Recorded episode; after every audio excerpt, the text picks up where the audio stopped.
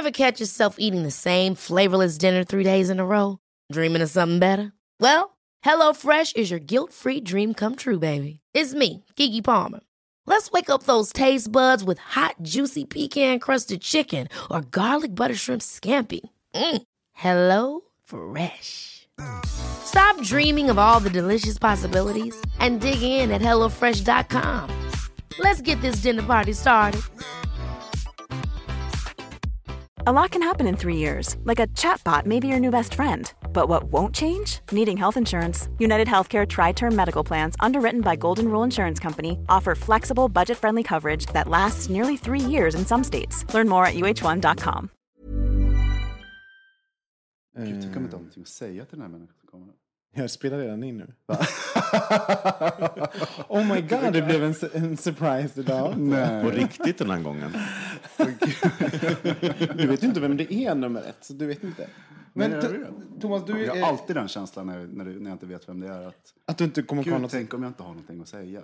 Fast man har ju alltid någonting att säga. För att det är ju liksom, man träffar en ny människa. Det är ju artigt att...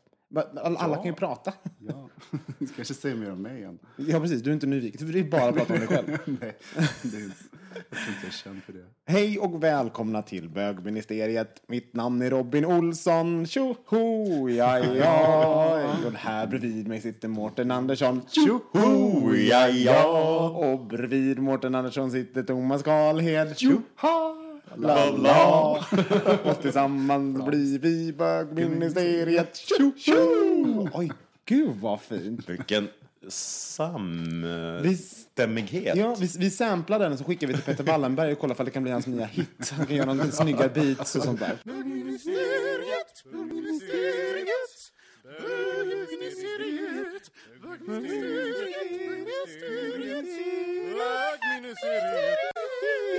Toppen! Eh, Hur mår ni idag? Jag mår bra. Jag har varit och spelat in en annan podd som jag är med i också. Ja, du är ju poddotrogen. Jag vet. Jag är med i en kulturpodd också. Riksteaterns podd. Det är ju jätte... En, en kulturpodd alltså. Ja, precis. Hur går det till där? Kan du, kan du beskriva skillnaderna mellan de två poddarna? Alltså den är väldigt jobbrelaterad. Den är ju, liksom, det är ju min arbetsplats som är avsändare. Men upplägget är lite samma. Vi är tre personer och en gäst. Så att är man intresserad av kultur så kan man checka in. Riksteaterspodden. Blir det lika mycket könsord? Nej, ja, precis. Definitivt väldigt mycket mindre snusk. Lite mer tillrättalagt. Kultursnusk. Driv, är- leder du podden? Vem Nej, det är, en, det är en kille som heter Joakim Rindå. Som har liksom din roll. Just det. Men då kan man ju gå in och lyssna på er. Vad heter ni? ni heter? Riksteaterpodden tror jag vi heter. Åh, vad originellt namn. Med tanke på att det är en podd, en podd och det är Riksteatern som gör den. Oh, oh. Fick inte jag något glas? Ska jag Men och det Thomas ligger dela? står här. Ska jag behöva servera er? Ni har blivit så bortskämda. För att så. Tack. Idag är det ingen champagne inte. Nej, nu är det en, en rustik metallbalja med vatten som ni var. Thomas, hur mår du? Eh, jag mår helt okej. Vi, vi har ju alla Måndag. som med allt vad det innebär. Ja. Ja, vad, vi har ju haft en härlig helg tillsammans. Har, har du haft kul när vi var ute? ja, men jag har ju varit bortrest. Så det känns som jag har varit bortrest jättemycket den sista tiden. Så att jag har verkligen saknat er. Så att det tog jag igen i helgen. Alltså, nej, men alltså, sist när vi spelade in tillsammans, då hade du varit i Israel. Och nu har du varit i Turkiet. Just det. Istanbul. Istanbul. Det är helt stört att du reser så mycket. Varför har det blivit så att du eh, reser bort? Eh, jag vet inte, jag hade dels bestämt mig för att titta på saker under hösten. För att liksom, eh, ja men göra saker. Men sen har det också varit jobb. Men Istanbul, det har jag varit flera gånger. Men eh, jag blir positivt överraskad. Nyöverraskad varenda gång. Du hade varit på ja, björnklubb. jag vet att du skulle fråga dig. Ja, du var helt, det var så, jag blev helt till med trosorna när du berättade om den där. ja, men det, var, det var en väldigt så här, gullig, rolig eh, turkisk björnklubb. Ja. Terikyen, tror jag den hette. Trikien. Ja, jag letade jättelänge. För det finns ju liksom inga så här gatunamn eller så. Men det är en av de största klubbarna. Vad, hur, hur hittade du den? då? Var det så en massa håriga män som gick Ja, in i en bakgata? Stora, tjocka, nej. Annars är ju Istanbul-björnar lite välkända. Ja, men för det, är- det är väl en, en, en grej med Istanbul. Ja, Mm. Att de är, vad är det, tjurar. Fast det var... Var de tjurar då, Thomas? Jo, måste man väl säga att de var... Var det väldigt lädrigt? Eller vad nej, det var björnigt. Och väldigt gulligt. Det kändes lite som en björn mums-mums eh, går, goes eh, Turkiet. Typ. Mums Mums är en klubb i Stockholm för er som inte bor här. Men vadå, jag, nu blir jag lite besviken. Jag hade tänkt att det skulle vara ändå lite snusk i hörnerna.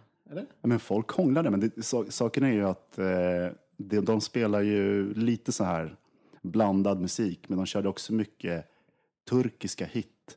Och det, det drar nästan åt lite schlagerblandning-hållet. Ja, och det är ju kul, liksom. folk hoppar omkring. Och det är ganska mycket eh, folk som kommer från, eller mycket och mycket, det, är- det är vanligt att folk från Mellanöstern Mm. åker till Istanbul och festar. Så det stod små grupper med så här, björnaraber som stod och kramades och dansade i ring och sådär. Så att, ja, men det var sjukt bra stämning där. Var det väldigt socialt? Ja, det var lätt att prata med folk. Du är ju, du är ju den som eh, snabbast tar av dig t-shirten när det, när, det blir, när det blir fest. Är det? Ja, men det är klart. Du är ju den naken, nakenskan. Du måste tänka efter nu. Jo, men så det känns det som det är Mårten, jag vet inte. Nej! Jag tar inte sällan av mig tröjan. Nej, det är du. Du brukar de- dra av mig min tröja ibland. Det är, det är du, utan Micke när han har tagit ett intell- ett intellektuellt beslut att nu är det da- idag ska jag gå ut och då ska jag ta med t-shirten. Och så går han ut och så går han på fest och så tar han av sig den. Det nämns klockslag. Jo, men, Och då är han ensam ofta när han gör det. Det blir så jättekonstigt. Då är han på Rolfs kök och äter en god middag. Det är jätte-awkward för alla andra. Jo, men eh, hur många gånger tog du av dig din t-shirt när du var i- Istanbul på klubb? Ja, men gör man inte det bara en gång? Eller vadå, hur många gånger? Nej, men jag tänker så här, var det, han kanske tog på sig den och gav Jag sig måste den. tänka efter. Hur många gånger var du ute och så vidare? Jag tänkte få en Jaha, jag överblick. tänkte om det var den här kvällen. Jag tänkte, Han bytte klubb och då fick han ta på sig men sen Jag har lite så här s- suddiga minnen från fredag morgon. Ja. Eftersom jag skulle stanna hemma på fredag kväll. Men kom hem halv sju. Mm. Det är bara gryning över Taksimtorget. Men eh, det var på en lite skum efterklubb. Där kanske jag tog av mig t-shirten. Jag kommer inte ihåg. Det är klart du gjorde. Usch, vilket oseriöst. Men, men det, jag älskar det. Va- Varför? Det är ju väldigt få ställen. Det är inte så vanligt på straightklubb till exempel. Om, om man, de gånger jag har bevistat sådana där ställen. Som man har sett eh, folk ta av sig kläderna på, i den utsträckningen. Varför, varför gör vi det tror ni? Men i Stockholm gör man ju det väldigt lite. Ja, men ändå. Men, Eller hur? Jag menar, över, ändå överraskande lite om man Ja. jämför med när man är ute och reser. Men det är ju en eh, hedonistisk grej tror jag, att man liksom känner sig, eh, ja, det är så här frihet, hedonistiskt, eller nu sa jag det igen, men frihet, det kändes lite så här sexualitet i det. Och, eh, Och här står jag ute på lokal och är halvnaken. Men har ni, gått, har ni gått med bara överkropp på stan någon gång? Mm. Ja, under Pride har jag gjort det. Ja. På väg till dig och Ulf på fest. Från flaket till er. Just det. men du menar, du menar, ah, nu kommer gästen. Nu ska vi se vem gästen Jag kan öppna. Härligt. Eller öppna du Thomas så kan jag säga vem det är i mikrofonen. Och vem kan det vara? Det är Alexander Ervik! Hej! Välkommen! Som kommer med en eh, sportdryck i handen och Ja. en täckjacka. Sportdryck alltså. Eller Red Bull är det väl? Eller förlåt. eh, Minus det- Nu socker. kanske man gör reklam. Det kanske man inte får. Jo, det får man göra. Det är ju inget... podcast. Ska jag stänga av min telefon? Det hade han gjort. Ja, det gör inget. Du får, du får prata. Hej Alexander! Hej! Hur mår du? Jag mår bra. Ja. Det var världens största Red Bull-flaska. Det var den största jag hittade. Jag vet inte om det per definition betyder att man blir piggare, men, men eh, Va- man kan ju tro på det kanske. Ja, det var... eh, Var, var är du beroende? Jag tänker jämt att alla är beroende som dricker Red Bull. Är det bara jag som... Nej, jag är inte så beroende, fast jag är ganska trött Okej, just idag. ja. så du tänkte du motverka det hela? Jaha, exakt. Kommer du direkt från jobbet? Ja, det gör jag. Kommer alltid direkt från jobbet. Är det så? Men hur ser det, hur ser det ut? Du, du dri- driver, kan man säga det? Finest. Ja, det kan man ju säga rent praktiskt. Jag är delägare, men jag äger inte hela företaget. Men jag driver det i, alltså driften är, ju- är ju min kan man säga. Så, så då tänker jag eh, att, att komma direkt från jobbet är... Var jobbar du då? Har ni kontor eller kan du sitta precis överallt? Nej, vi har kontor. Det är många som tror att vi typ sitter på ett, ka- på ett café och sköter. Jag tänkte... det Jag var faktiskt tänkte någon som bara, då har ni ett riktigt kontor? Jo. Ja, men det har. men, jag, men jag kan tänka så här, det, självklart att man vet att ni har kontor, men jag kan tänka mig att man kan också befinna sig på andra ställen. Jo, men det kan man göra. Fast jag gillar ju själva kontorskänslan. Vi är ganska mycket praktikanter inne just nu. Ja. Då behöver man vara där. De är inte lika, som man säger, de är inte lika, de är inte lika gamla som jag. De har inte lika hög arbetsmoral. Så man måste vara lite, Fiska på den lite. peka med hela handen, annars så, så bär det iväg. Men de som inte vet vad du gör där, kan du inte berätta? Oj, jag, jag Och driver vad en- det är för. Ja. Det är, det är en bloggportal. ehm, och vi representerar en massa nattklubbar. Så vi man säga, skildrar nattlivet och sen så skildrar bloggarna i sig en massa olika saker. Det är 150 stycken som, som vi har under vårt, under vårt flagg kan man säga. Sen är det 5000 totalt, men det är de här 150 som vi jobbar med. Som era toppbloggare då? Liksom. Toppbloggare, exakt. Och du är ju chefredaktör, eller vad, vad, vad Ja, kallar man det? exakt. Ja. Men eh, vad, vad, vad ska man göra om no- för, att någon, för att kvala in i de här 150? Hur väljer ni ut dem? Eh, Jag går ganska mycket på person faktiskt, om jag ska vara ärlig. Om man tittar på, på Finance så är det en väldigt icke-homogen grupp. Idag tog vi till exempel in vår första transaktivist. Vilket är väldigt apart från, från det som man kanske tolkar oss som. Det är ballt. Ja, alltså jag gör det inte för att det är ballt, jag gör det för att jag tycker att det är viktigt med olika berättelser, olika perspektiv. Det var faktiskt någon som sa att, att eh, som har varit inne och tittat på Finance häromdagen, en journalist som sa att eh, det är nog få sidor som har så mycket mångfald som Finest. Både vad det gäller etnicitet och ålder och social, var man befinner sig. Liksom. Så. Kan, kan man se Finer som en temperaturmätare på också vad Stureplan, eh, hur Sture, Stureplan förändras? Jag menar, det är stor skillnad idag jämfört med för ett par år sedan när ni körde igång. Alltså Stureplan är ju en nidbild. Det är ju många som... Eh, eh, eh, det, det är ju många som har sett, eh, när Stureplan var en trend, när det gick en massa program på tv och när nattklubbschefer fick egna program, de skulle vara roliga och man skulle följa deras liv och sådär. Så, så var det ju, tolkar man ofta Stureplan som stället där det bara hänger en massa innemänniskor och kändisar. För det är ju bara det man har valt att visa upp. Och det är ju samma sak med alla nattklubbar, att man väljer att visa upp uh, mingelbildsfenomenet. Man väljer att visa upp det som man tycker är representativt för vad stället vill vara. Eh, sen så är det ju så att stället är ju fyllt med massa andra människor också.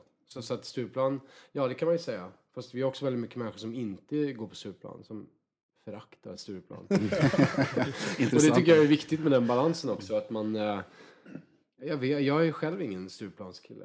För det förknipp, jag kan säga att det, det, nu på något sätt i och med Finance så, så förknippar man nästan dig ändå med en, en Stureplans vibe. Bara för att jag vet att du just under dina finest vingar så finns det en del. Ja, absolut. sådana.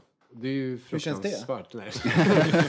Nej, men... ehm, ja, men det kan jag förstå. Ja. Men eh, så är det inte. Ehm, det var ju någon som eh, för något år sedan kom fram på någon sån här mingel och sa så här att för man tror alltid att så nattklubbschefer eller folk som jobbar med media i, i det här segmentet som jag gör att det alltid är människor som kommer från någon sorts bättre social klass. Eh, så någon kom fram till mig och sa något spydigt på något mingel en gång och sa att du har väl aldrig, du har väl aldrig jobbat i hela ditt liv på riktigt. och, Det vill man ju höra. och då blir man lite så här förnärmad. Eller också så här, är människor verkligen så naiva att bara för att man jobbar, har ett visst jobb och att man råkar ha kostym på sig så betyder det att man inte... Jag kommer ju från en riktig så här, arbetarklass i Värmland. Jag har ju verkligen inte... Eh, jag är ingen af Klerker liksom. Nej, men det, det måste ju vara en... vad tycker... För, om jag utgår från mig själv. Min, eh, man kan ju få från så här, jag kommer från Göteborgs arbetarklassmiljö. Så där. Och nu, jag har inte så mycket göteborgska kvar. Och massa sådana här saker. Och, eh, och när man på något sätt inte befinner sig i en Göteborgs arbetarmiljö och kommer från sån här Stockholms innerstads vibe tillbaks till Göteborg. Då, då blir det lite så här... Vad fan tror du att du är? Får, får, du, får du något sånt när du åker hem till, till Värmland? Ja, lite grann faktiskt. Lite så att folk inte... De skriver på Facebook så här, ja men jag såg dig på... Jag såg dig på marknaden men jag vågar inte komma fram. Lite sådana konstiga grejer. Var, var i Värmland är du uppvuxen? Charlottenberg. Det bor alltså lika lite människor där som det hänger på kaféet en fredag. Hur, var det att växa, hur var det att växa upp där? Ehm, tomt. Eh, eh, det finns ju, kanske hårt sagt, men det finns ju en anledning till att det är väldigt mycket självmord i Värmland. Det är, alltså, det, är, det är verkligen inte någon jätterolig plats att leva på. Inte enligt mig, det beror på vad man vill göra såklart. Men för mig var det ju liksom ett gissel. Känner jag. När, när kom du därifrån? Eh, när jag var 19. Kom, det låter som att det var där. Vilket ordval. när tog du det därifrån? Som att det var så... Jag tror direkt när jag slutade gymnasiet så kastade jag mig på ett, en buss. Jag, tror inte, jag, hade inte, jag hade inte ens jobb här tror jag. Nej. Jag hade hittat någon kille faktiskt. Det är ett smart drag. Men flyttade du in hos honom då? Ja, jag flyttade in hos honom. Men gud. Vad var sjukt. inte jättekär kanske så här nu i efterhand. Det tror jag han vet också. Men, eh, Så du, du kommer du ut nu till honom som att du inte var så jättekär nej, men jag tror, han, jag tror han förstod det. Men hur var din första tid här i Stockholm då när du kom? Men då var ju så, jag hade, jag hade jobbat ganska mycket, så jag hade med mig ganska mycket pengar och så, som jag hade sparat ihop som jag då skulle ha till en sorts, ett längre vuxenperspektiv. Det höll inte så, så många halvår, halvår kan man säga. Eh, så eh, jag gjorde väl, hade väl bara roligt tror jag. Försökte leva, leva ut någon sorts liksom, eh, ja, leva ut allt som man inte hade kunnat leva ut i, i Arvika, Charlottenberg. Men, men du hade skaffat den här pojkvännen. Hur gjorde du det? Via internet eller på, på telefon? på, på Heta linjen. Heta linjen.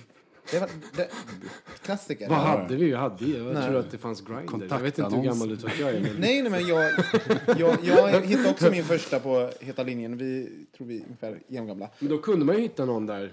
Jag det var ju väldigt många år sedan jag ringde in dit faktiskt. Det är helt ärligt. Eh, Men, men då kunde man ju... Jag tror det finns kvar faktiskt. Gör det? Ja. ja. Men ni kan ju inte ha blivit ihop över telefon. Ni måste ju träffats någon gång också. Nej, jag åkte dit. ehm, jag vet inte hur jag planerar det här, men jag skulle ju, vi skulle ju dit på någon så här skolutflykt i trean gymnasiet. ehm, eh, till Stockholm. Och jag tror att jag, jag hittade honom innan. Så att jag träffade honom en gång. Bakom Dramaten med de här hästarna. Ehm, var Hur gammal var han första Gay, ja, han var 30 någonting. Ja. Och jag var 19. Ja. han, jag är han idag. Tar in småstadspojkarna. Ja. Nu, behöver du Nej men det var väl lite så spännande och jag, jag kunde nog inte sova hos honom tror jag. Nej det gjorde jag inte. För jag var, vi var tvungna att vara, ja, jag hade några timmars lucka så där. Så jag träffade honom. Och sen så höll vi kontakten, då hade jag hans um, hemtelefon. Jag tror, inte, jag vet inte om han hade mobil, nu låter jag otroligt gammal. Men jag, jag tror faktiskt att han hade ett hemtelefonnummer faktiskt. Ja. Christian hette han. Och sen så träffades ni. Var du, jag blev, vet att en av de, de, bland de första bögarna jag träffade blev jag lite så här, eh, mandatory kär i. Alltså för att det var en bög. Man bara, det här är någon att ösa lite kärlek på. Jag vet inte, bryr mig inte om hur du ser ut, men jag Det är väl lite desperation också. Ja, Det är sådär, som man bara- Första liksom bara... Var det så för er, hur, när ni träffade er första bög? Ja, mm, det var ju så uppdämt. Det var någon, någon sån stark längtan också väldigt mycket att få träffa någon. Och så var det någon man på något sätt tyckte att man klickade lite med. Men alltså man hade ju helt andra preferenser då än vad man har Typ idag. penis var min preferens. jag bara, gud vad gott. penis. Det Det ser jättegott ut. Tacka som frågar. Även om det smakar lite kiss. så- Ja, tacka som frågar. Den tar jag emot. Men hur länge höll den här relationen då, Alexander? Oj, jag minns eh, kanske några månader. Tre, fyra tror jag.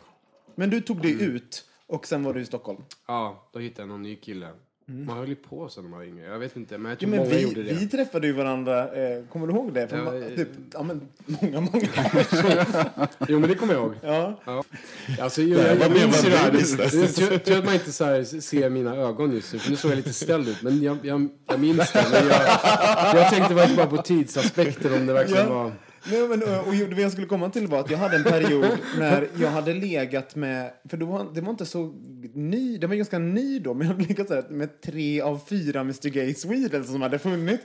Så jag bara, herregud. Och så var det som... Då, I så fall hade du legat med alla. Ja, nej men jag kommer inte ihåg. För jag var nummer tre. ja, men det måste ha varit efter då, att, att det slog mig. Att sen låg jag Kolla, nu är det han som börjar vrida och vända på. Nej, nej, men eh, vet, den här tanken slogs inte när jag precis när, när min snopp var framme och du höll i den. Utan, utan liksom, det var någon gång därefter. Och sen tänkte jag så här, herregud, är det så? Har jag gått och jagat? Så här, att, jag, att det slog mig själv, men så var det ju såklart inte. Men, men ja, Såklart inte. såklart att det var. men Mr Gay Sweden, så det kom sju år efter att, eh, att du hade flyttat till Stockholm. Ja. Vad hände däremellan då? Och Från, från Värmlandspojken till Mr Gay Sweden, Ehm, badbyxor på. ihop med Navid i fem år. Det verkar vara typ så Sveriges mest välbevarade hemlighet. Ja, jag verkar veta om det. Varje gång jag säger det på en fest så bara, va? Har du varit ihop med Navid? Nej, jag blev chockad. Nej, det verkar bara vara jag och Bobby som vet det. Visste du det? Nej, ingen aning. Visste du det? Men Navid är en festfixare i Så jag vet inte om han har gått och Stockholm. förnekat det här. Det borde jag inte ha gjort. För jag har ju faktiskt blivit snyggare sen dess. Tycker jag själv om jag får säga det. Men, eh, ja, men det var väl det jag gjorde. Jag var ihop med honom och han drev ju redan då lite klubbar och var lite så här, ja men festfixare. Och jag hade ett ganska mycket så här lugnare jobb och var inte ute så mycket faktiskt. Nej. Det var efter Missy Gay som jag eh, tappade spåret.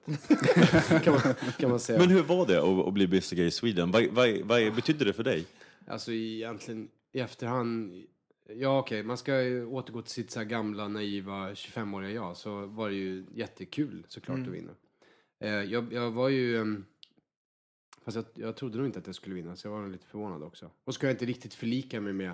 Så kommer jag ihåg det var lite elaka skriverier också, så här, som inte alls stämde. Det var ju, jag var ju säkert den som var minst tränad av alla som var med. Men ändå så var det någon, jag kommer inte ihåg om det var Henrik, eh, eh, Henrik, ja skitsamma, en, en så här SR, Sveriges Radio-journalist grej som skrev en krönika om att jag bara vann för att jag hade snyggast bringa, vilket var helt så här, om man inte är blind så... Ja, var det- Torehammar. Ja, exakt. Han har varit gäst Jag är ganska säker på att det var ja.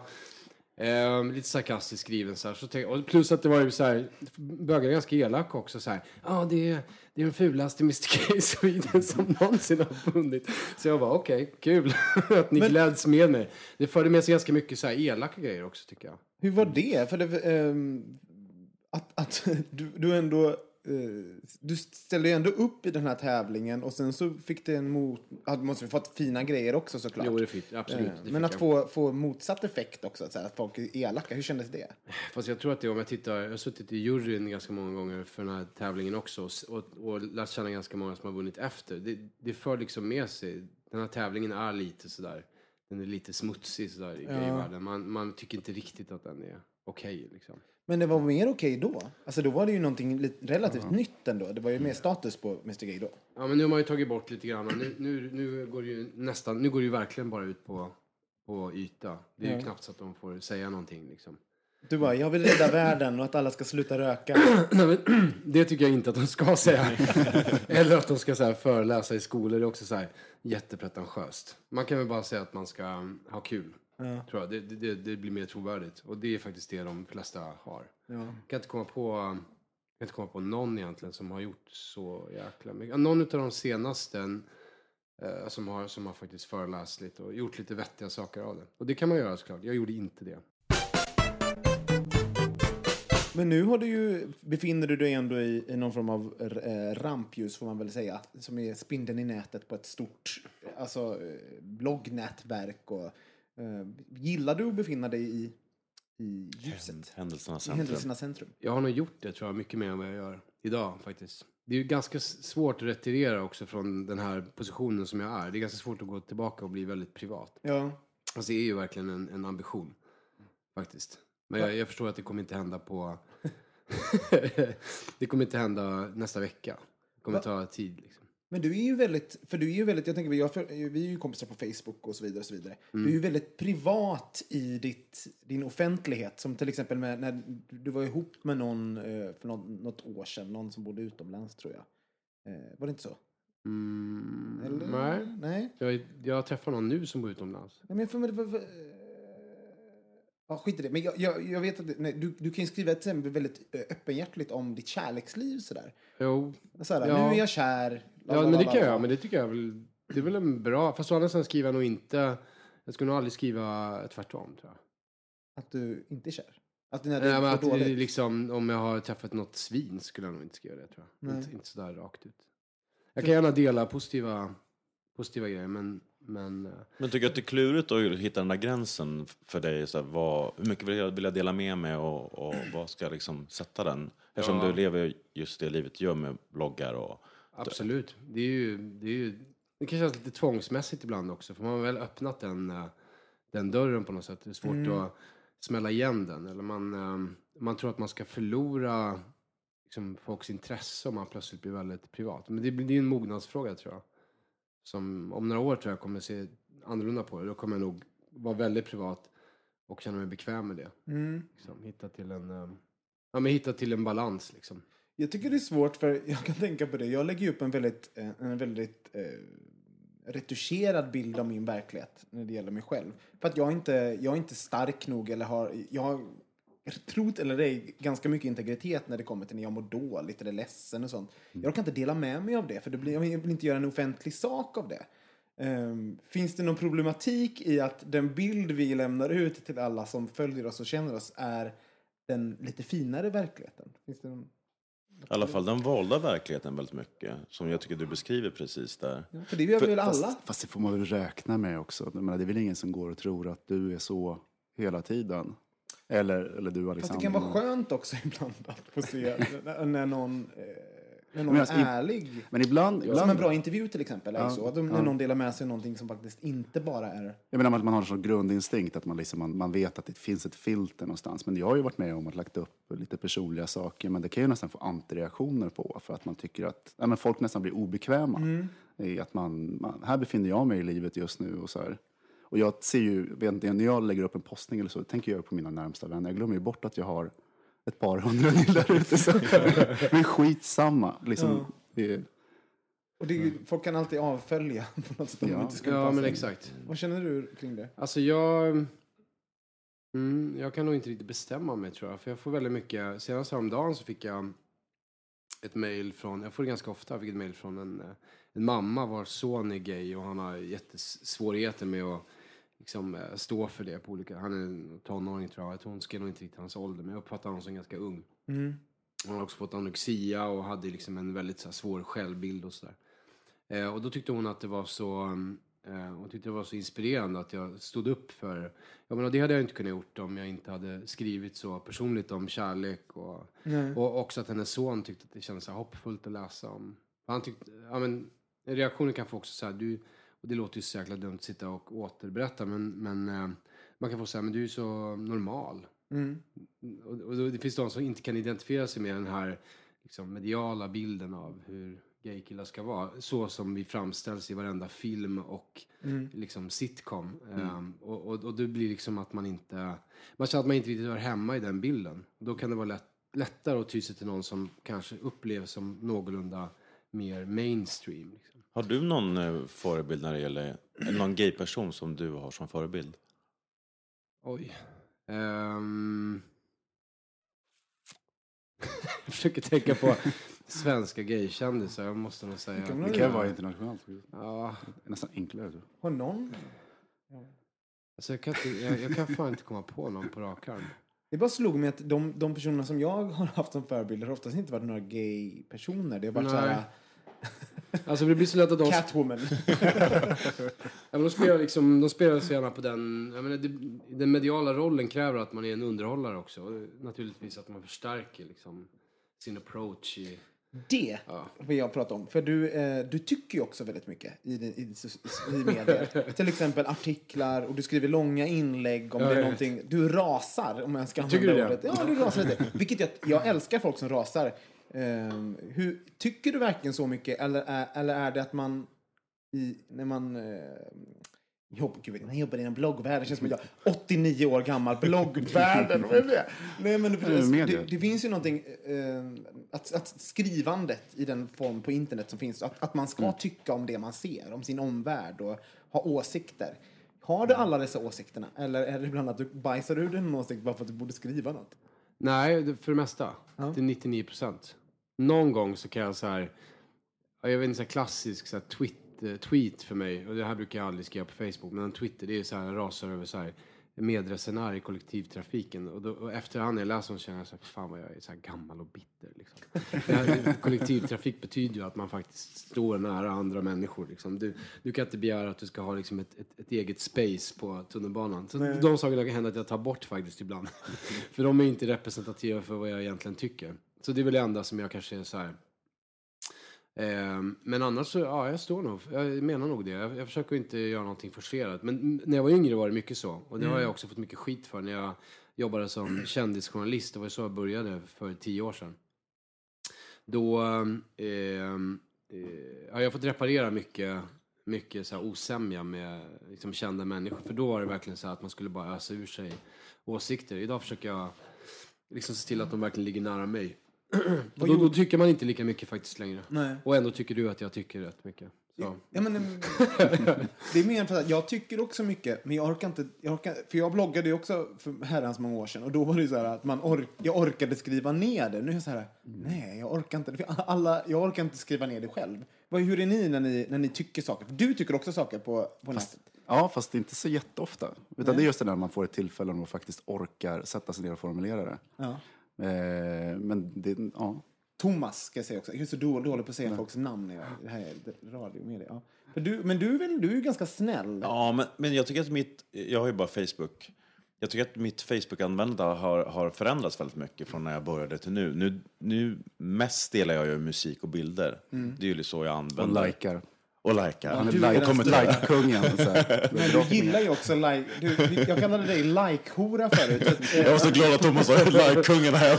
Jag väntade att du skulle säga det. Men det var faktiskt en privat konversation du och jag hade. Ja, Alltså, och det är bara för att vi har lagt ut, Mårten sköter vårt eh, Instagramkonto och han har hittat en, en sexig halvnaken bild på Micke Casanovic så han bara den lägger jag ut på Instagramkontot. för du visste att den kommer få mycket likes. Och vi fick ju massa likes. fick massa likes. In och kika och likea. Sex säljer.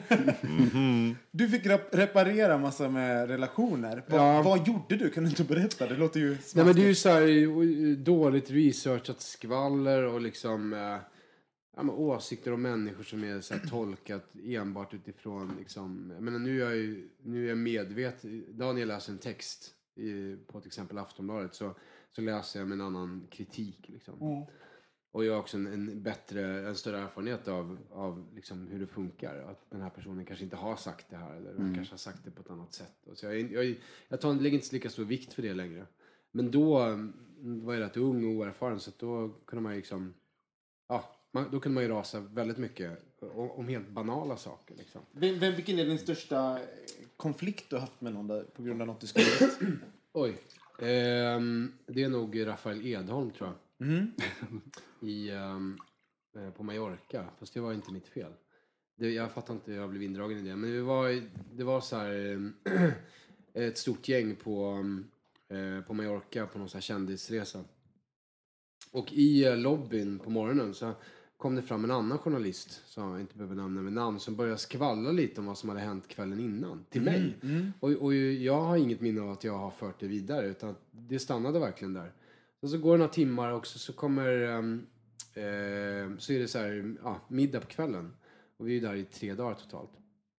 Och då kommer Rafael Edholm fram och är helt vansinnig för att jag har gått runt och spridit rykten om saker som skulle då ha påståtts ha hänt kvällen innan. Vilket jag inte hade gjort. Så det var en ganska, ja, det var inget, var inget roligt sådär på plats liksom. Och det kom Och jag- i pressen sen.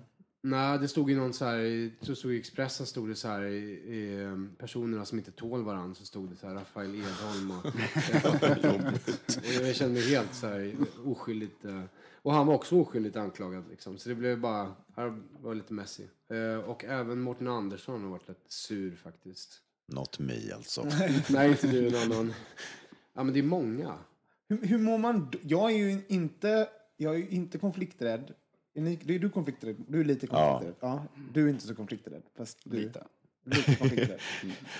Thomas gör det om det gäller politik är Thomas konflikträdd. Jo, precis. Utan när man pratar pro- eh, politik. Men eh, just i en sån grej, då blir jag lite så här, jag vill inte, att, jag vill inte bråka.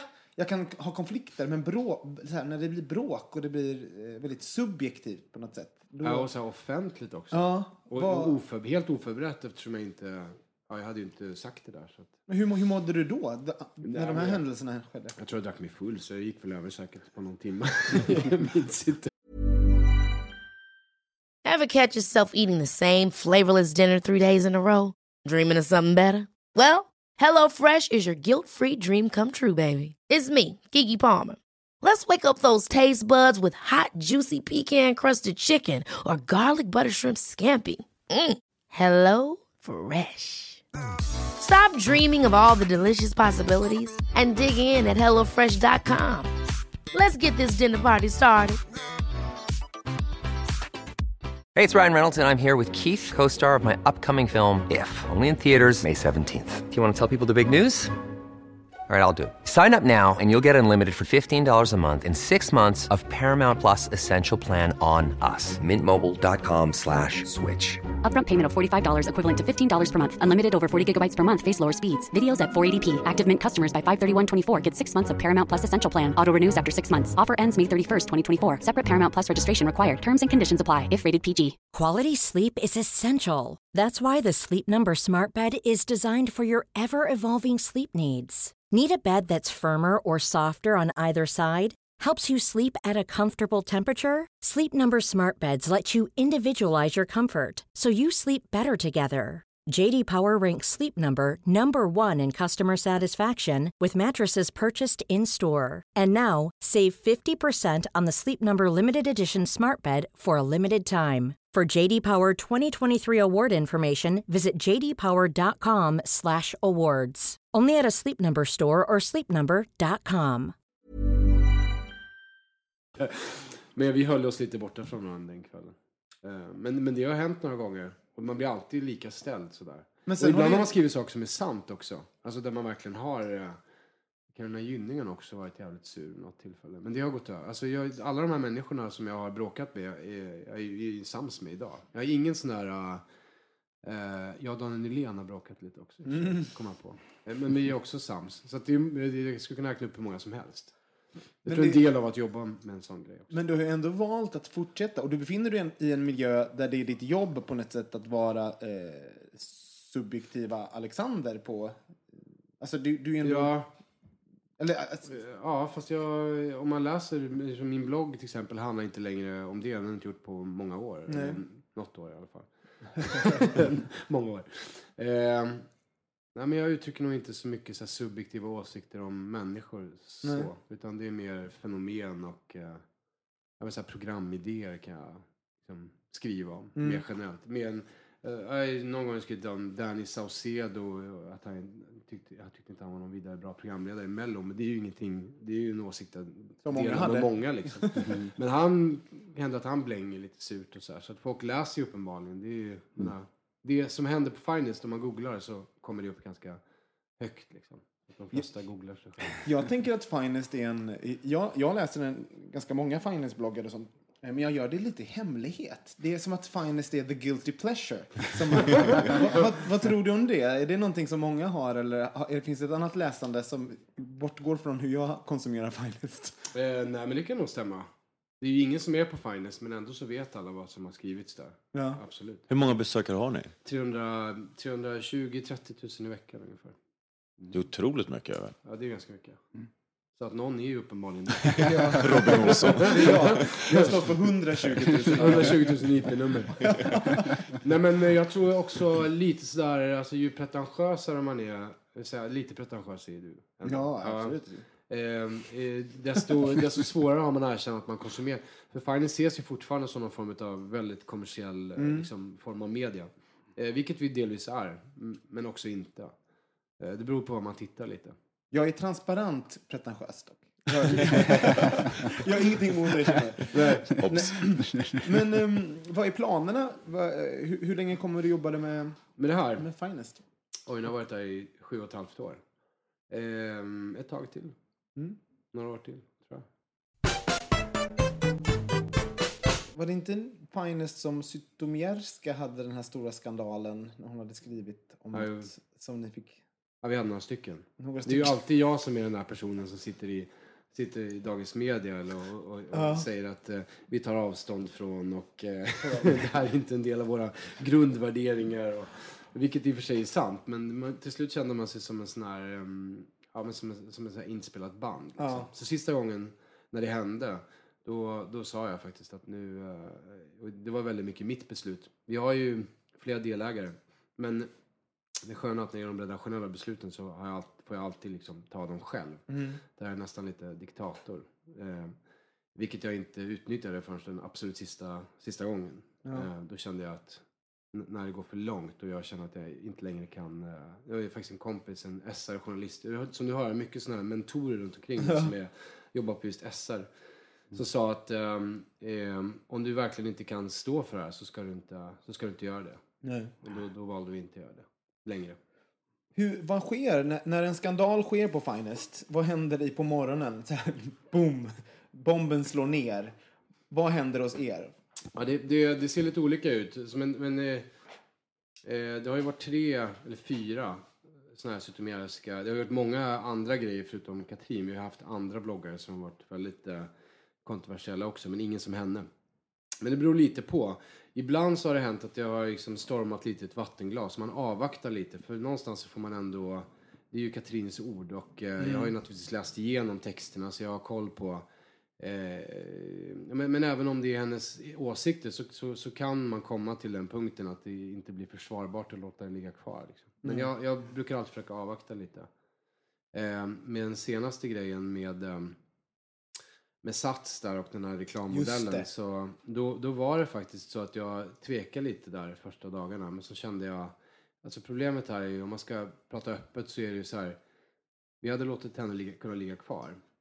Kan du inte säga någonting bara eh, vad den där konflikten, vad det var för något med det här med Sats för de som inte vet om det? Ja, hon kritiserade en reklamkampanj. Egentligen så, det var en tjej som som kanske inte passade i hennes ögon då, modellen för, en, för ett framgångsrikt tränande helt enkelt. Och eh, medan Sats då ville, ville välkomna alla o, oavsett eh, fysisk form. Eh, så Katrin fattade inte riktigt poängen utan hon förstod inte hur kommer det sig att en, en överviktig tjej som ser helt svettig ut eh, på fel ställen, att, att hon är en bra reklammodell för Sats. Det här är inte mina ord utan det är hennes. Ehm, och ehm, det var väl ganska kvinnoföraktande, skrivet av en annan kvinna, eh, inlägg som framförallt gjorde feministerna väldigt arga. Det är ju alltid feministerna eh, när vi pratar om Katrin Zytomierska och, eh, och kontroversiella inlägg. Ehm, hur en annan kvinna kan liksom ha en sån skev ehm, eh, kvinnobild. Liksom. Eh, och ehm, ja, vad hände? Katrin vägrade ju, vi brukar alltid föra en dialog med Katrin och säga så här, "I det- här inlägget, de här bitarna tycker jag är, att, att du går för långt. Och ibland har vi faktiskt kunnat nå varandra så att hon har liksom redigerat vissa inlägg, eh, tagit bort de värsta bitarna. Eh, och ibland har det funkat. Eh, I det här fallet så, så kom vi till en punkt där det var antingen att ta bort hela inlägget eller så fanns det liksom viktiga annonsörer som helt enkelt vägrade annonsera på Finest. Så det blev en fråga om, om vår överlevnad kan man säga. Shit. Och det, det, Inom loppet av några dagar. Alltså vi pratar så här. Vi har inte ens tio timmar till att Men hur, hur tog hon här. det?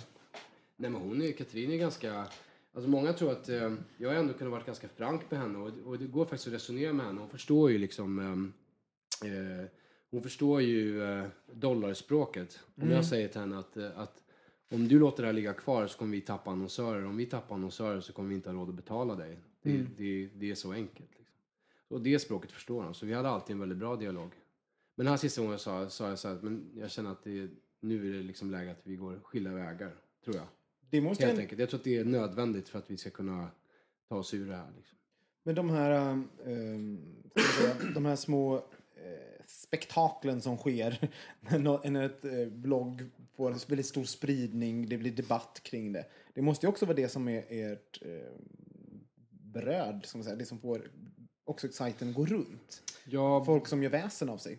Skriker ja både och. Utan Katrin så hade vi kanske inte varit en så här stor sida som vi är idag. Nej. Det sjuka är att vi har ju kvar all, nästan alla läsarna. även fast vi inte har någon som bloggar idag. Idag är det väldigt många, väldigt många eh, betydligt mindre som delar de här siffrorna tillsammans. Vilket är mycket bekvämare för mig som, som, eh, eh, ja, som, som, som är med och driver sajten.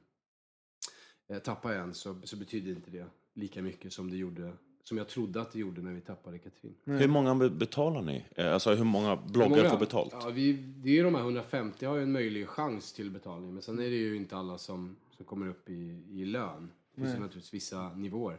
Men ähm, ganska många, kanske ett 30-40-tal som, som får pengar om inte varje, så varannan månad. Kan man, bli, kan man försörja sig på en blogg till exempel? Alltså, jag menar, är det, för, Ja. för det sägs ju, jag är alltid så skeptisk mot det där när man läser det. Bara, "Äh, de har tjänat så mycket pengar och sen kommer det fram bara hon har tjänat nio kronor. Jag vet inte, kanske just Blondinbella, men Nej. alla säger att de är, tjänar så mycket pengar på sina bloggar. Ja, men alltså det är ju, oftast är det ju om man, där kan jag ha hänt att jag faktiskt har undrat så här, var journalistiken är på väg. Som till exempel när man då har skrivit, eh, man skriver liksom Expressen och Aftonbladet att en miljon människor läser Kissis blogg varje vecka. Och så börjar man dra bort alla pensionärer, alla ointresserade bögar, alla spädbarn, alla heterosexuella män. Och är det då liksom rimligt att anta att, att, att, att resterande av Sveriges befolkning läser Kissis blogg? Det, det tror inte jag. Och där, där kan man känna så här, vad finns researchen i det? Liksom? Det är ju bara att gå in på bloggportalen, då ser man att de där en miljon, det, det är ju sidvisningar. De senaste sju timmarna, sju dagarna, sju veckorna. Alltså det är ju inte... Så, där, så, så det, det håsar ju hela den här bilden av att en miljon människor läser Kissis blogg. Nej, det är det inte. Jag skulle gissa på att det kanske är 70 000. Men hur många lever på en blogg? Kan leva på en blogg tror du i Sverige idag? Ehm, ja, hon kan nog göra det idag. Ehm, och eh, Blondinbella kan leva på sin blogg. Kanske ett 30-40-tal kanske. 50. Det är roligt alltså. För Alltså det, då, vi pratar ju inte behöva göra någonting annat Och, vad, alls. vad pratar vi för summor då? Vad, vad kan de tjäna? Ja, det kan alltid vara allt ifrån 20 ut i månaden till upp mot 100 000 i månaden. Jag tror Kenza tror jag, hon tjänar ungefär 100 000 i månaden. Sen vet jag inte om det är på faktura eller om det är på Gåvor och sånt. Om det är liksom på lön så här, men hon tjänar ju naturligtvis jättemycket pengar. Och det är ju hon värd. Alltså, jag menar, det finns många fall där bloggarna, de, har ju, de kan ju lägga ut en, en länk till en webbshop och så kan de sälja slut på, jag tror några företag som man har pratat med som har, som har berättat att de har sålt slut på vissa varor där de har annonserat just i Kansas blogg till exempel. Så, så att då är det klart att då har ju det, det värdet också. Är, är, är bloggerska, är det en bloggare, är det en, ett yrke? Ja, jag, vet inte, jag, tror, jag vet inte om det är så smart att använda det så som en yrkesbenämning faktiskt. För det finns alldeles för mycket människor som kopplar, nå- kopplar det till någon form av så här fixfigur. Liksom. Däremot om man är en inredningsbloggare, om man är inredningsbloggare kan man tycka man kan titulera sig. Eller om man är en modebloggare, absolut. Därför att då är man mer specifik. Men om man är en personlig bloggare och titulerar sig bloggare, ja, jag vet inte. Jag skulle nog inte göra det tror jag. Va, har, du, har du bloggat någon gång Thomas? Mm, fast det är ingenting att prata om egentligen. Adressen. Nej, men för, det var ju ganska många som hoppade på Ja, men, alltså, bloggtåget. ja, men alltså, jag var ihop med David och du och David var ju så här blogg, bloggkompisar. Så man läste Bobby Bacon och jag kommer inte ihåg vad han hette själv. Men jag, det låter ju skittöntigt. Men jag startade en blogg med min, min förra pojkvän. Så vi hade en gemensam blogg. Nej, med, da, med David. Ja, nu rodnar Det är jätteroligt. Nej, inte med David, med Kenneth. Du och Kenneth, gjorde ni? Det har ni, alltså det sa inte hette- ni ens en gång. Vad hette den? Tom Ken eller Ken Tom. Typ. Så här. Skittöntigt. Alltså, jag, Men visst utan att ha sett den. jag måste bara, för, Den kommer du kunna hitta. det här var så när vi umgicks ganska mycket under den här perioden och jag visste inte ens om att du hade en blogg.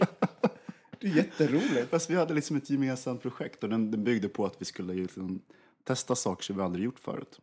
Okej. Jag tror vi la in 10-12 inlägg eller där. Det blev var, viralt. Vad Största testade som ni hänt. för saker undrar jag? Vad fan var det? Ja, jag ser vad Robin tänker här. Det är därför ingen som vet, vet vad det var. Nej. Men Micke Kasanovic som är med i bögministeriet bloggade ju väldigt mycket tidigare. Och innan jag lärde känna Micke så läste jag hans blogg. Så jag var ju bekant med väldigt många. För han var också väldigt personlig bitvis i sin blogg. Till exempel om, om en resa som du gjorde tillsammans med honom och några andra. Där han gud, berättade väldigt... Barce- Barcelona, ja. Ja, ja Cities vad tror jag det var.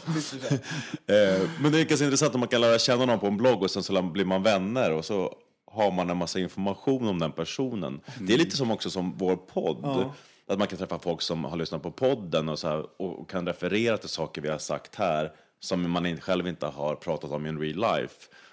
Eh, Och, och, och som ibland så här, det händer ganska ofta att jag har sagt, sagt något snuskigt och sen så kommer det fram någon och refererar till det snuskigt, lite roliga med en gång utan att säga något att det, och då, då blir det så här, Men det blir lite konstigt. helt så här, ja, Men Alexander, du måste vara med om det. Du är ju en offentlig person. Folk måste ha en väldigt... Skebilda mig. Ja, men i alla fall ha någon typ av bild av dig. Vad, vad, vad tror du för, vad folk har för bild av dig? Oj, det är nog väldigt olika beroende på vem du frågar tror jag. Jag tror att, fast jag tror att eh, bloggande och mitt facebookande och sådär eh, på den senaste tiden, den har nog varit till ehm, stor fördel för mig tror jag. Därför att där får jag möjlighet att kanske, och sen har jag blivit äldre också.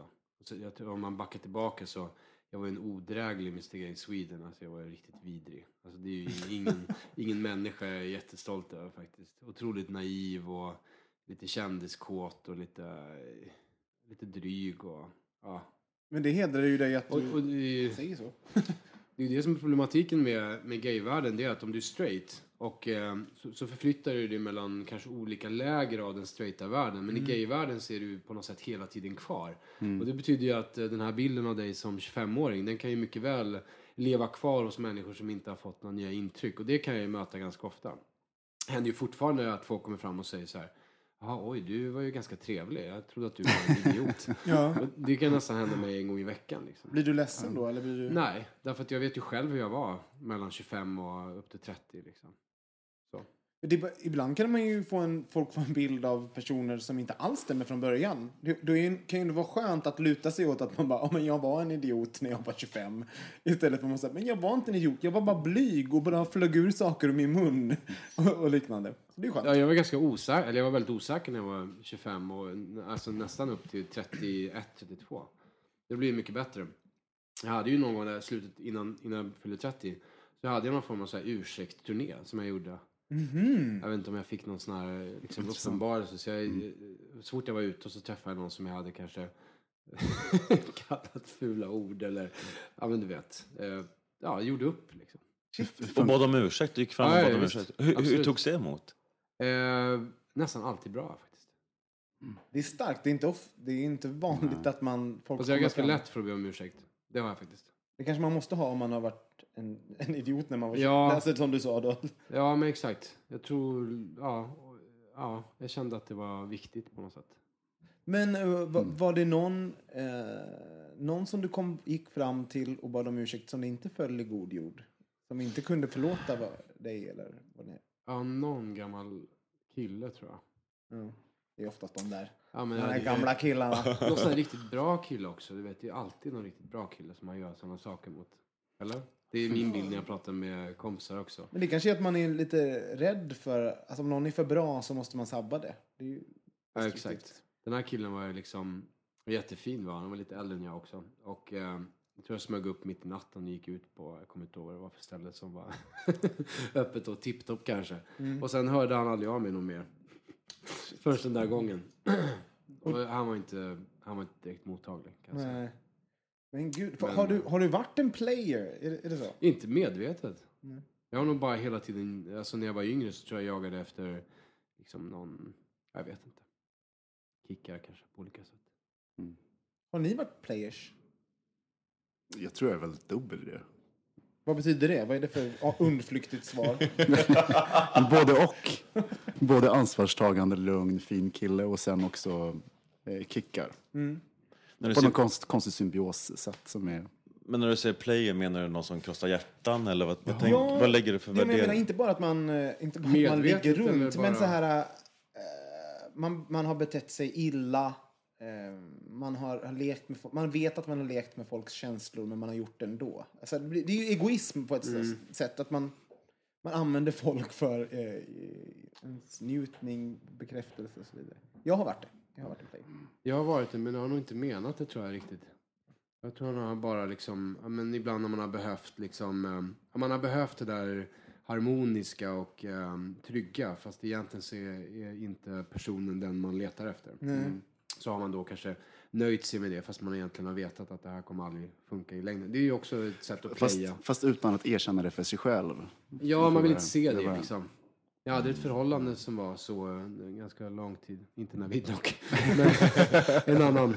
Eh, liksom så här, man vet att man visste det bara efter någon vecka. Att det här, det här kommer inte hålla liksom.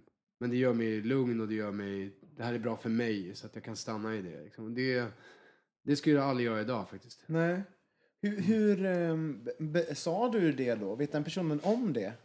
Det Ja, men jag sa, jag sa det nog när vi... eh, när det gick mot slutet så sa, sa jag det. Mm. Absolut. Men då var det, var, det- hade det gått lite för lång tid. Liksom. Det Där skulle jag bli för konflikträdd. Jag skulle inte våga säga så här, jag visste från början att det inte skulle vara vi. Det har inte känts rätt. Så här, det här är Men jag tror jag höll mig till förutsättningarna. Så att förutsättningarna mellan oss inte var en, kände jag på en gång att de inte var bra. Fast egentligen var det väldigt mycket annat också. Mm. Men just eh, vi var väldigt olika. Det kände jag efter en vecka. Vad skulle du säga Thomas? Nej, men det där att veta från början om det inte ska eh, funka eller inte. Det, det är ju alltid det att man, i varje fall för mig, att jag kan tvivla på de känslorna. Att det ska liksom inte på, fortsätta i något så gammalt mönster utan kanske utmana mig. Mm. Om jag har träffat någon som, så här, grundkänslan är så här, men det här är inte män. Ja, just det. Att man, man Men- vill gärna vara den som är, funkar ihop med den här personen. Eller jag kan känna så. Också så här, jag, personligen har jag haft, jag har en historik av att sabba saker som, som varit bra. Inte nu, jag, thank God har jag också blivit äldre och, och vet vad, när jag har fått tag på något som är bra. Men eh, när jag var yngre så var jag, hade jag en, verkligen en tendens att, att eh, fucka upp saker som, som kanske egentligen, det här kunde vara fröet till någonting som skulle få mig att må bra. Och då såg jag till att, eh, att Men det är väl det som är att vara ung också. Är, är det det, eller är det bara det som är Det är bara... ganska vanligt tror jag, om man är rädd för något. Därför att det, jag tror alla människor är väldigt rädda för att förlora någonting. Så om, om, man, om man vet med sig att man har någonting som nästan är lite för bra så är det Mm. bättre att man skitar ner det själv. För då, då är man åtminstone inget offer. Liksom. Nej. Då kan man alltid säga att det var jag som... eh, Ja, det var ändå jag som förstörde det. Ja, men precis. Så det, det tror jag är en sorts självbevarelsedrift. Som jag också har använt mig av ibland. Också så här, jag, jag, eh, att man vill inte... Det är bättre att jag blir den som är elak än att det är den andra. För jag, jag tror att jag, jag kan ha en rom, jag romantiserar kring folk. Det gör jag även med vänner, att jag älskar, mm. älskar människor. Jag vill inte, det är bättre att jag är skurk än någon annan är skurk.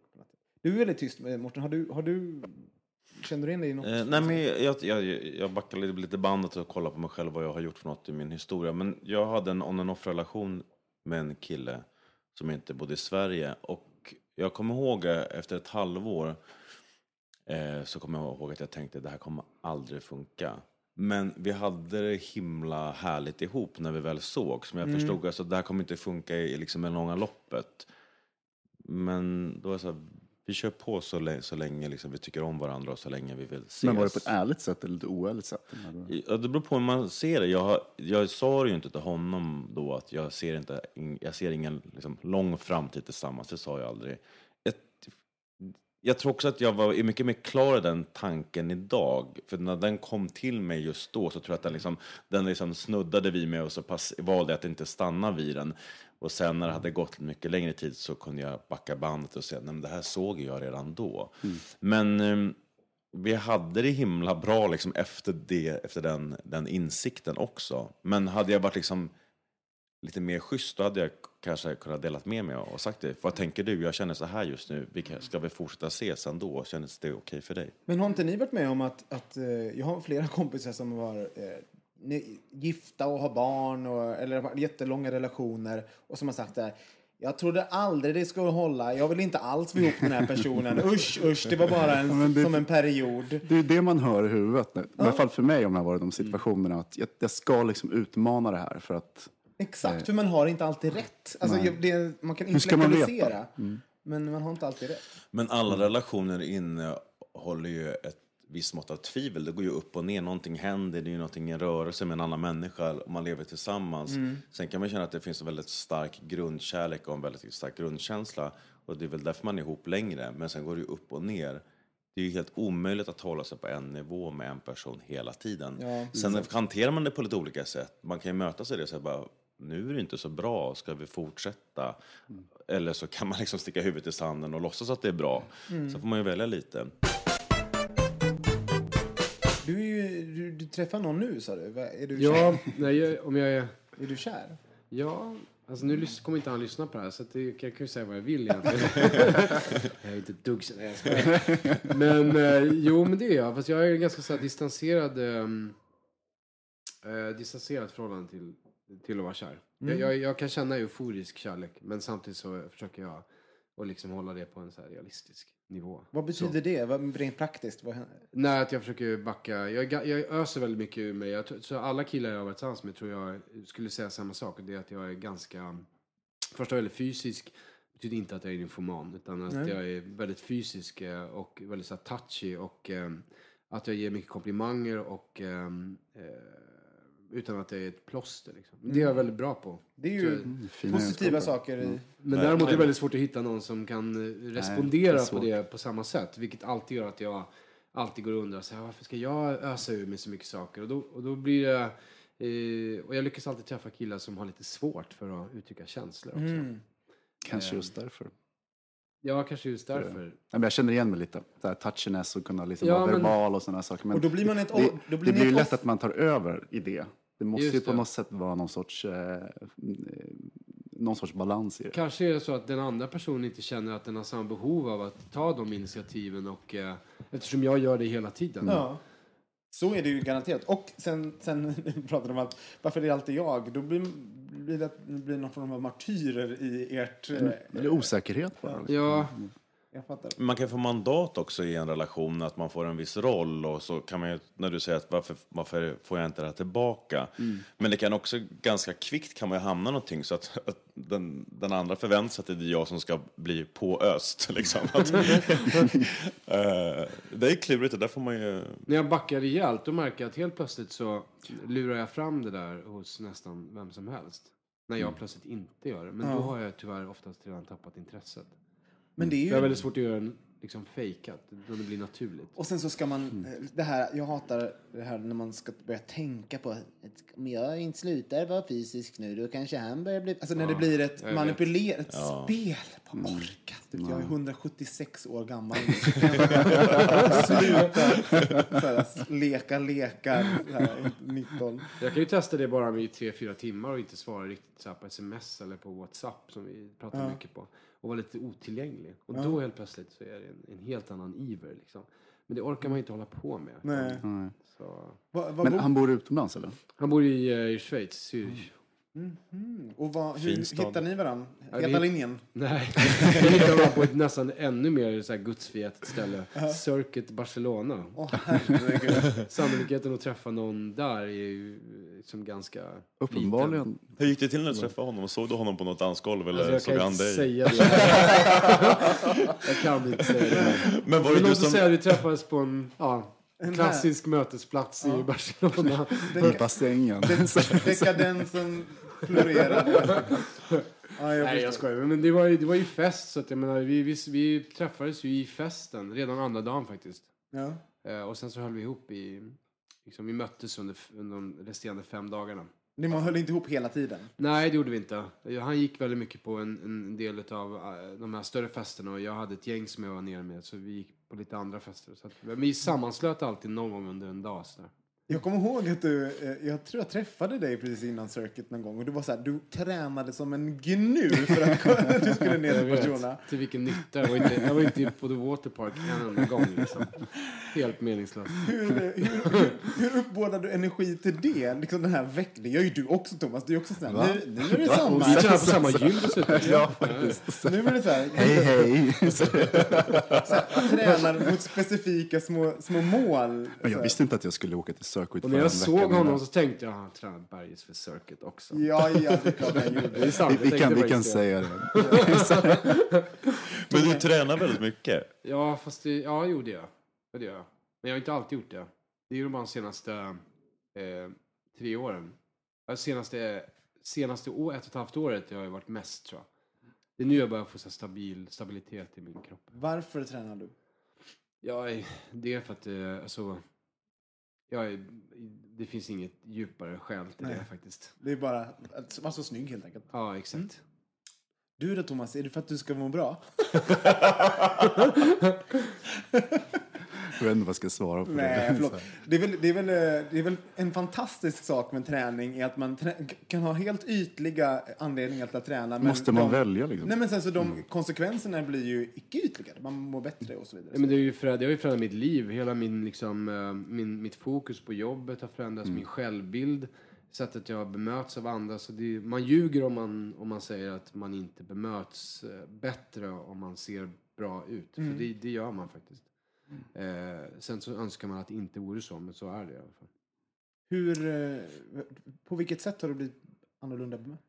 Ja, men framförallt har jag ju höjt min, min nivå vad det gäller killar. alltså. Ja. Jag, jag spelar en helt annan eh, liga just nu. nej, jag skojar. Men, eh, nej, men det är ju också, man, man, man märker att man inspirerar många människor. Det låter ju som att man skulle vara någon, liksom, eh, jag är ju ingen Arnold Schwarzenegger, men får, jag får faktiskt väldigt mycket mail och så här Facebook-mess från människor som har lite svårt att komma igång med träningen. Så, som jag tror har betraktat mig i många år som en så här fyllbult i 30-årsåldern som var ute, jag menar så här, ute och festa och härja och var säkert inte, eh, tack och lov innan mingelbilderna kom liksom. Så det finns inte förevigat. Eh, och som har sett att jag har faktiskt förändrat. Att nu, jag kan fortfarande gå ut men, men det är inte det som är i fokus. Liksom. Och då, då kan man själv känna om han kan den där trashanken så kan jag. Liksom. Ja, ja. Det, jag, jag har ju lärt mig nu att när jag är lite, lite mer fyllig än vad jag var innan, att då har man, gör man ju mycket mer så här snygga ansiktsbilder. Avancerade vinklar. Ja, avancerade vinklar, mycket ansikten och sen, eh, och sen så även så att lite tatuering visar jag också, så här, för det är lite hett på, i sociala medier. Och då får man eh, jag har också fått en annan crowd. Jag har Mm. mycket mer björn, så på Instagram och sånt. Det är mycket, jag har mycket större så här, bear following, vilket jag tycker är härligt, jag älskar björnar. Så att, Jag eh, har också det faktiskt. Ja, så De det- hade jag inte förut. Möjligtvis när jag var twink så hade jag några, men, men inte liksom. Shit, twink. Jag är, så, jag är så ledsen över att man missade twink-perioden. För det tror jag alla vi egentligen, vi, det fanns inte ordet twink när vi var twinks. Inte det? Alltså, jag, inte, jag kom ju ut efter. ja, men, ja, min var- twink-period, Precis, du var ju bara du var tokig i vagina då på den tiden. Kvällens överdrift. Herregud. Men jag måste bara ställa, jag, jag har hållit på en fråga hela kvällen. apropå de här partymingelbilderna, kommer de ligga ute forever? Ehm, Är du med på någon eller? Tänker du på någon specifik? Ehm, ja, alltså som objekt så måste man ju åtminstone ha det i beaktande. Att det, det, det finns ju, föreligger ju en risk för att de faktiskt gör det. Därför att även om vi som sajt tar bort det i källan och eh, Google tar bort sin träff efter ytterligare några månader så kan det ju finnas någon annan som redan har eh, plockat upp bilden. Ja, så att svaret är ja. Tyvärr, du kommer inte bli statsminister. Thomas. Det tror jag, jag, ja, exakt. Men kan det, du- kommer Det, inte det det är riktigt. absolut inte med det. Vad är det för Thomas att tänka Nej, men det är faktiskt inte på Finest, det är på en annan, en annan sajt. Jag kommer inte säga vilken. Mitt mandat eh, sträcker sig inte dit, tror jag. Fan. Vad underbart att du kom hit Alexander. Ja, tack, det här var ju ett härligt samtal. Det var jätteroligt att ha det här. Och om man Tack vill... för att jag fick komma. Du, det var vårt nöje. Och, men jag vill att våra läsare, eller lyssnare, ska, om de vill läsa dig, vad, vad hittar man det då? Ehm, alltså, ehm, Följa dig och så vidare och så vidare. man kan följa mig på min Facebook, det tror jag nästan är enklast. Och Mm. för min blogg är ganska redaktionell just nu. Det, det händer att jag skriver, men den är ganska, handlar väldigt mycket om finest och bloggvärlden, så den är ganska plain så. Ja. Så min Facebook, jag tar emot alla som inte verkar ha någon form av fake-konto. Så. Som pigan sa. och eh, oss ska ni följa på Instagram och ni ska följa oss på Facebook bla, bla, bla, och rate oss på iTunes. På riktigt nu så vill jag att ni går, ta, ta era datorer, släpp högerhanden med vad ni gör och så tar ni går in på iTunes och så trycker ni en liten stjärna som ni, vad ni tycker att vi, vi förtjänar. Eh, vi vill få upp vår rating där. För vi är horor hela högen. eh, Mårten, Thomas, Yes. Underbart. Tack Robin. Alexander, tack igen. Tack. Hej då! Hej då!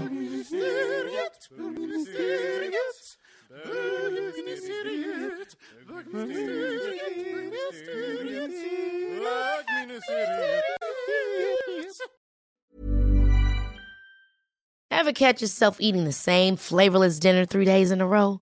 Dreaming of something better? Well, HelloFresh is your guilt-free dream come true, baby. It's me, Kiki Palmer. Let's wake up those taste buds with hot, juicy pecan-crusted chicken or garlic butter shrimp scampi. Mm. Hello Fresh. Stop dreaming of all the delicious possibilities and dig in at HelloFresh.com. Let's get this dinner party started.